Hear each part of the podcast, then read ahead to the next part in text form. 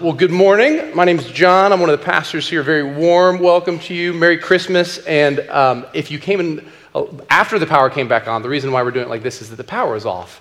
And um, thank you all for, for flexing. You guys can have a seat. Um, thanks for flexing and leading us and uh, the way that we did this morning. So, this morning, um, it is the fourth Sunday of Advent and it's Christmas Eve.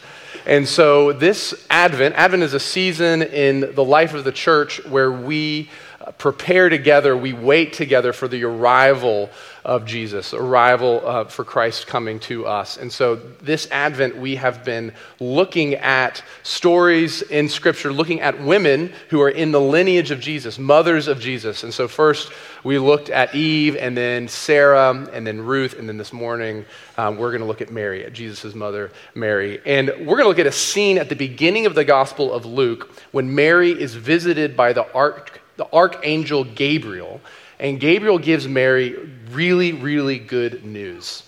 And so here's what I want us to do to, before we read scripture. I want you to turn to your neighbor and answer this question What is the best news that you've ever gotten? And if you're sitting next to a kid, the kid gets to go first. What's the best news that you've ever gotten, and how did you respond?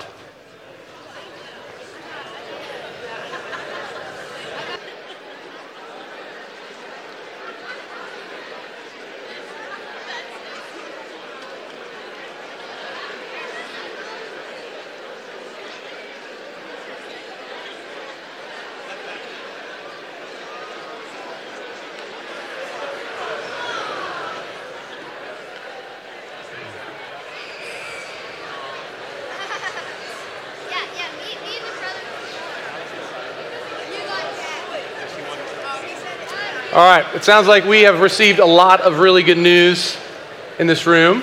Um, and I want to invite you to stand now for the reading of God's Word. We're going to be reading Luke chapter 1, verse 26 through 38. This is God's Word for us this morning. It is trustworthy and it's true, and it's a gift. It's a gift that He gives to us in love. In the sixth month, the angel Gabriel was sent from God to a city of Galilee named Nazareth, to a virgin betrothed to a man whose name was Joseph of the house of David. And the virgin's name was Mary. And he came to her and he said, Greetings, O favored one, the Lord is with you. But she was greatly troubled at the, set, at the saying and tried to discern what sort of greeting this might be. And the angel said to her, Do not be afraid, Mary, for you have found favor with God. And behold, you will conceive in your womb and bear a son, and you shall call his name Jesus. He will be great and will be called the Son of the Most High. And the Lord God will give to him the throne of his father David, and he will reign over the house of Jacob forever, and of his kingdom there will be no end. And Mary said to the angel, How will this be, since I am a virgin? And the angel answered her, The Holy Spirit will come upon you, and the power of the Most High will overshadow you. Therefore, the child to be born will be called Holy, the Son of God. And behold, your relative Elizabeth, in her old age, has also conceived a son. And this is the sixth month with her who is called barren. For nothing will be impossible with God. And Mary said, Behold, I am the servant of the Lord. Let it be to me according to your word. And the angel departed from her. This is the word of God for the people of God. Thanks be to God. You may be seated.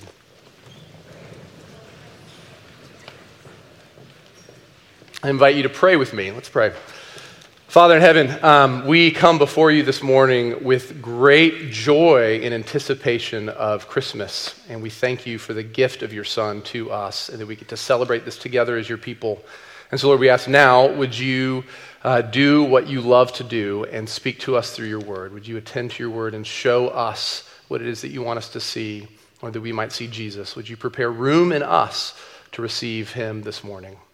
I invite you to take a moment to pray. Pre- to pray for yourself, uh, to ask the Lord to speak to you.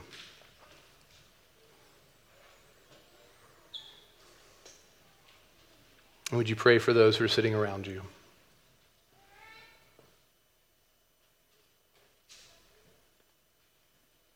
And would you pray for me? In the name of the Father, and the Son, and the Holy Spirit. Amen. So, what we're going to do this morning is we're going to walk through this passage together and then take a few moments to consider um, what implication it might have for us this morning. So Mary got really good news, right? The biggest news possible, the greatest news the world has ever received, news that would change her life and would change the life of the world.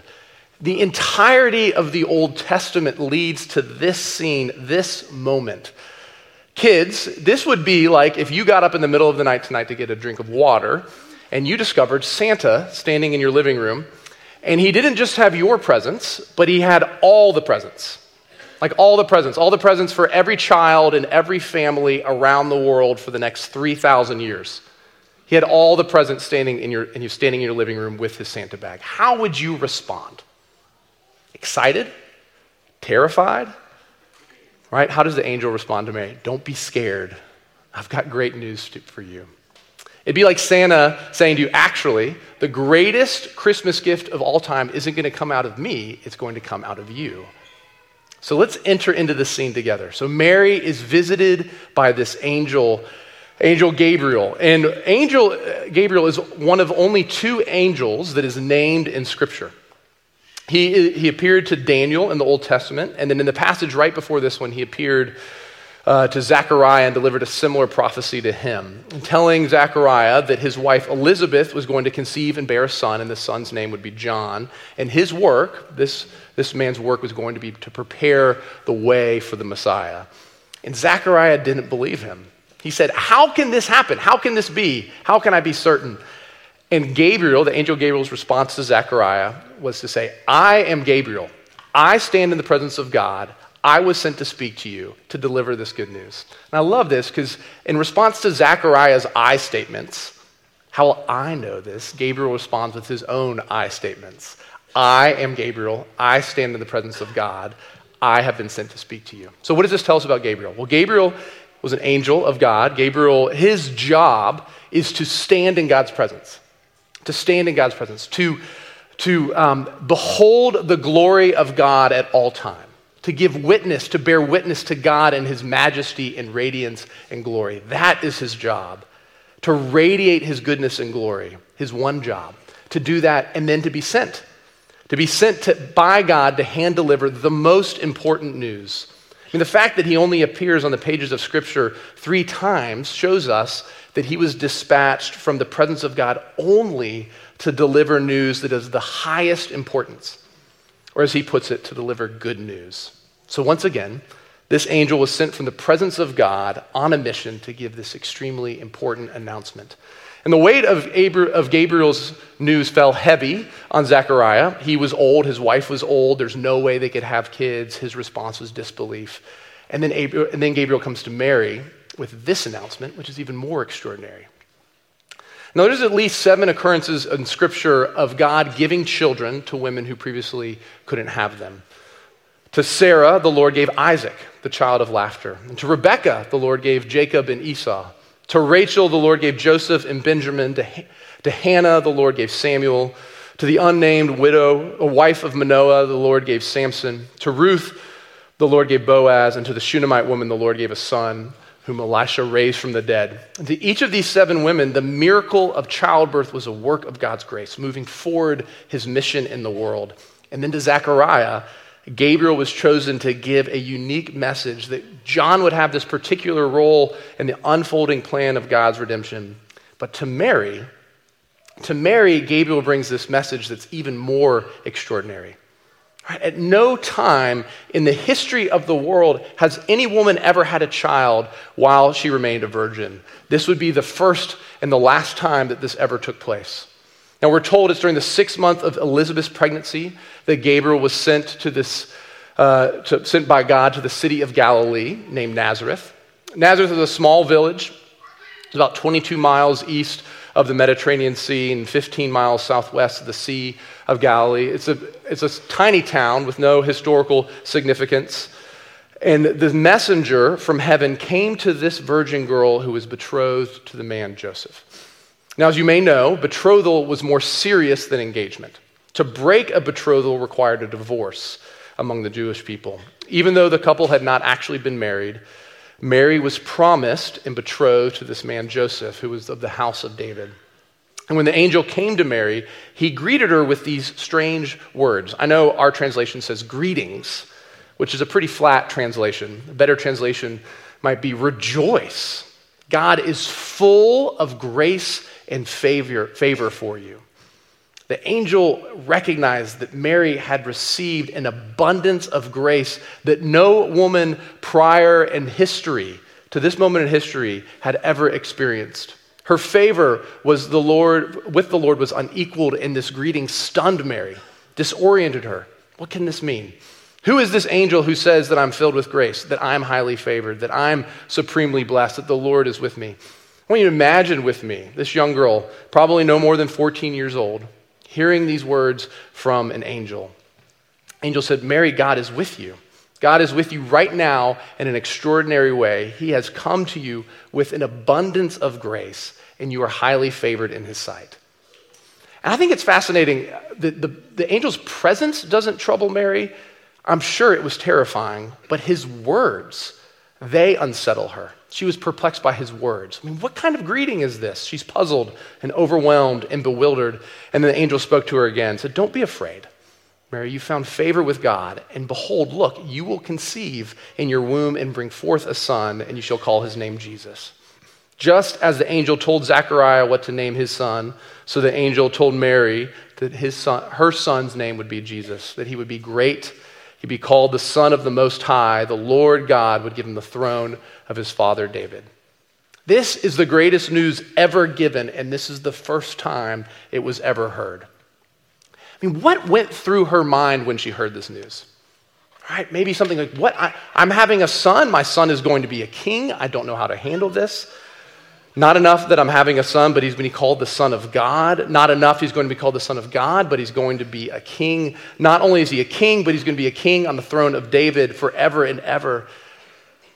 Young Mary's childhood would have been steeped in the stories of the Old Testament. So, what would her mind have flashed to with this news? Would have been the promise of God to Eve, that the promised child of Eve, the one who would crush the serpent's head, that this child would be coming through her womb. Or the promise of God to Sarah when Sarah heard in her 90th year that she would give birth to a son through whom God would bring salvation to the world. A promise so incredible, so unbelievable, so unfathomably good that the thought of it caused her to laugh with joy and delighted unbelief. And that the promise, the fulfillment of this promise, was happening to her. Or maybe the promise of God to Ruth and Naomi this child, Obed, who redeemed the heartache and loss and pain and emptiness of Ruth and Naomi and brought Ruth into the family tree, that this was the king who would sit on the throne of David forever and that this was to be her child. So Mary knew that the son of David, whose kingdom would last forever, that this, this king of David, this son of David, this king, would be the Messiah, born to fulfill all of the promises of God to usher in the kingdom of God. She would have known that the weight of the world would have sat on this child's shoulders. Sat on his shoulders. Now, how would that land with you if you got this news? I don't know how you address an angel. Mr. Angel, Angel, she would say, You're telling me not to be afraid. You're telling me to rejoice. Yes, this is great news. It's also terrifying. I mean, her imagination would have been saturated in all of the promises and all of the stories, all of the festivals and ceremonies and wars, the exile, the return, all the hopes, all the fears, all of it squeezed through a pinhole to this moment. So her response to the angel is not why, but how. How is this going to happen? She doesn't ask why, she asks how. How can this be? I have not known a man. That's the translation, the, the, what verse 34 says in the Greek. How? I have not known a man. You've got the wrong address, Gabriel. I'm a virgin. Let me stop here for a moment. Um, because the promise that, a, a problem that all of us face from the beginning of the church until now is that we have a hard time accepting the virgin conception of Jesus because we all know where babies come from. And one of the reasons why it's hard for us to accept this is that we assume that people in the ancient world must have been more gullible than we are, more susceptible to this sort of thing because maybe they were just more open to the possibility of miracles. But as modern people, we cannot accept the virgin birth, the virgin conception. Why? Because, because we know, right? We know that this is a scientific impossibility. But what we need to see is that Mary also knew that it was a scientific impossibility. She would have known the exact same thing. Oxford professor C.S. Lewis helps me with this. Once he wrote that the idea of the progress of science has somehow changed the question is bound up with the idea that people in olden times believed in miracles because they didn't know the laws of nature. So you'll hear people say something like, well, the early Christians, they believed that Christ was the son of a virgin because, but, but we know, right? We know this is a scientific impossibility. Such people seem to have an idea that belief in miracles arose at a period when people were ignorant of the cause of nature. So ignorant, they did not perceive miracles to be contrary to it. But a moment's thought shows us to be, this to be nonsense. And the story of the virgin birth is a particularly striking example. In Matthew's account of the birth of Jesus, we get Joseph's perspective. And when Joseph discovered that his fiancee was going to have a baby, what did he do? He went to divorce her quietly. And his decision to divorce her was not unnatural because he knew just as well as any modern doctor knows that a virgin birth is contrary to the course of nature. This thing is scientifically impossible. Jo- Joseph would have said the same thing. This thing always was, always known to be impossible unless the regular processes of nature were being overruled or supplemented by something from beyond nature. And when Joseph finally accepted the view that his fiancee's pregnancy was not due to unchastity, but to a miracle, he accepted the miracle as something contrary to the known order of nature, as evidence of supernatural power. Nothing can seem extraordinary until you've ex- you have discovered what is ordinary. Nothing can seem extraordinary until you've discovered what is ordinary, right? I remember thinking I could dunk for a really long time until I got to my full height and discovered I couldn't. And then it became extraordinary. Nothing is extraordinary until you've discovered what is ordinary. Belief in miracles, far from depending on ignorance on the laws of nature, is only possible as far as those laws are known. So Lewis goes on to say this. He says, The grounds for belief and disbelief are the same today as they were 2,000 years ago or 10,000 years ago. If Joseph lacked faith to trust God or lacked humility to perceive the holiness of his spouse, he could have disbelieved in the miraculous origin of her son as easily as any modern man. And any modern man who believes in God can accept the miracle as easily as Joseph did. You cannot simply dismiss the details of this story because they are old. God is either sovereignly in control of all things, able to intervene, or he's not. Mary's reaction is the same as Joseph's. From the perspective of the natural, there's no way that this could be. It's simply against the laws of nature. And so Mary asks, How? And the angel takes the time to carefully explain it to her. This is verse 35. He says, The Holy Spirit is going to come upon you, and the power of the Most High will overshadow you. And here, Angel Gabriel is connecting the Holy Spirit and power. In biblical terms, the Holy Spirit is often called the power of God, the dynamis of God. This is where we get the word dynamite. This is the Spirit of God in which God invests his supernatural sovereign power. And it's by the Holy Spirit's brooding, his, his nesting over the waters of the original creation that, that the original creation came into existence. If we go back to Genesis 1, we see in the beginning God created the heavens and the earth. The earth was without form and void. Darkness was over the face of the deep. And in that uncreated state in Genesis, the universe is described as formless and amorphous, empty, a vacuum, enveloped in total darkness. That is until the Spirit of God hovered over the waters. And as the Spirit of God hovered and brooded like a hen broods over her eggs and her chicks, while the Spirit of God was brooding over this unformed state, God spoke, Let there be light, and the lights came on. The earth became filled with all kinds of creatures, teeming with life. The earth was formed and shaped and structured by our powerful Creator. It's as if Gabriel is saying to Mary, Do you remember Genesis, Mary? Right now, there's nothing in your womb. There's no form.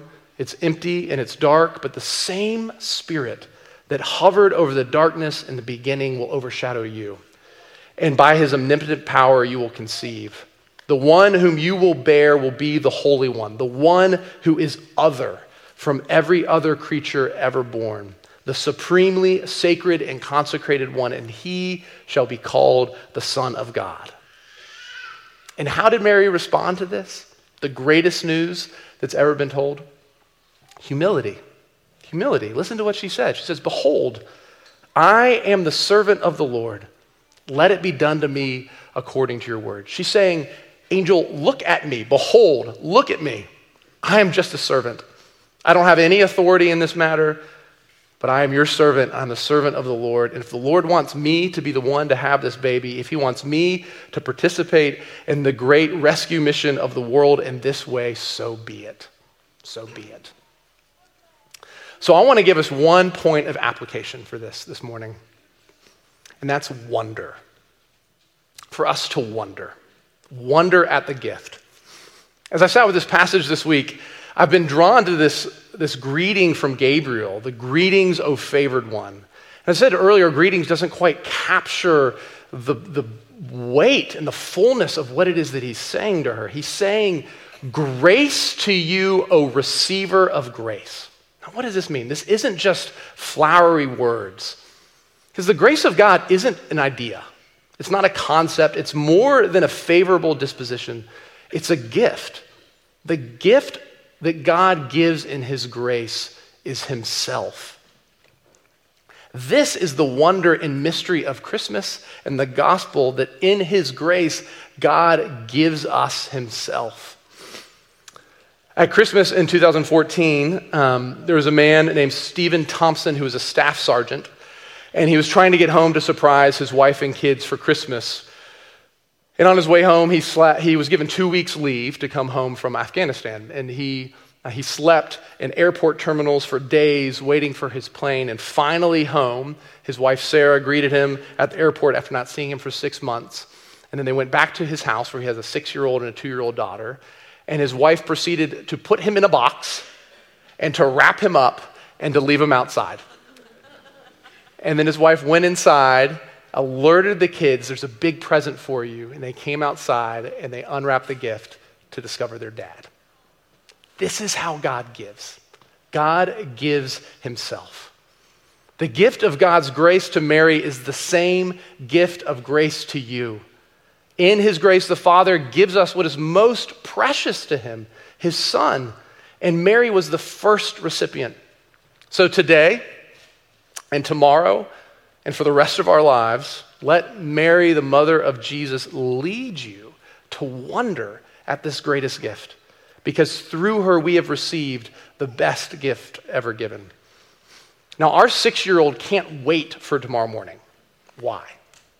Wonder. He's filled with wonder. Now, there's just a few presents under the tree right now, and somehow tomorrow there's going to be lots of presents, and he's filled with wonder. The author Madeleine L'Engle said, The idea of the incarnation, the incarnation, God becoming flesh and becoming one of us, the idea of the incarnation is just too fantastic. It's high fantasy, which is high truth. And we do well to remember that not to push it down and say, oh, this is childish. It isn't. Wondering at the incarnation is perhaps being the most grown up we can possibly be. Mary was mother to the one who was God incarnate. The coming of Jesus into the world is the most stupendous event in human history. Here's why this should lead you to wonder and amazement. Because the founders of every religion said, Let me show you how to find God. And Jesus said, I am God who has come to find you. Jesus Christ, the second person of the Trinity, who existed from all eternity, who is the word by which God created all things, all time and space, willingly entered into creation, into this young woman's womb as a zygote to grow into a baby, to grow into a man, to live a life of perfect obedience to the law so that he might go to the cross to accomplish for us what we cannot accomplish for ourselves our salvation. This baby, make no mistake, came to rule as a king, but the path to the throne was through the cross. Jesus' mission was to die. The shadow of the cross fell across that cradle the only Son of God, was born in Bethlehem in order to absorb the inevitable penalty of our sin. I want to leave us with this quote from the late Pastor Frederick Buechner. He wrote, Christmas itself is by grace. It could never have survived our own blindness and depredations otherwise. It could never have happened otherwise. Perhaps it is the very wildness and strangeness of the grace that has led us to try to tame it. We have tried to make it habitable. We have roofed it and furnished it. We have reduced it to an occasion we feel at home with. At best, a touching and beautiful occasion, at worst, a trite and cloying one. But if the Christmas event in itself is indeed, as a matter of cold, hard fact, all that it's cracked up to be, then even at best, our efforts are misleading. The Word became flesh, ultimate mystery born with a skull you could crush one handed. Incarnation. It is not tame, it is not beautiful, it is uninhabitable terror. It is unthinkable darkness riven with unbearable light. Agonized laboring led to it, vast upheavals of intergalactic space, time split apart, a wrenching and tearing of the very sinews of reality itself. You can only cover your eyes and shudder before it, before this God of God, light of light, very God of very God, who for us and for our salvation, as the Nicene Creed put it, came down from heaven. Came down. Only then do we dare uncover our eyes and see what we can see. It is the resurrection and the life she holds in her arms. Wonder of wonders, grace upon all grace. Let's pray. Father in heaven, thank you. Would you fill us with wonder that only you can give as we behold the mystery of God incarnate, your Son, our Lord Jesus, who was born into this world, born to live the life that we could not live and to die our death in our place, that you might receive us to yourself in your heavenly home. Thank you that you have come to make a home in us. Would you fill us, your people, with wonder? Fill us with joy, that we would rejoice at the salvation that you have accomplished for us in Jesus. We pray in his name. Amen.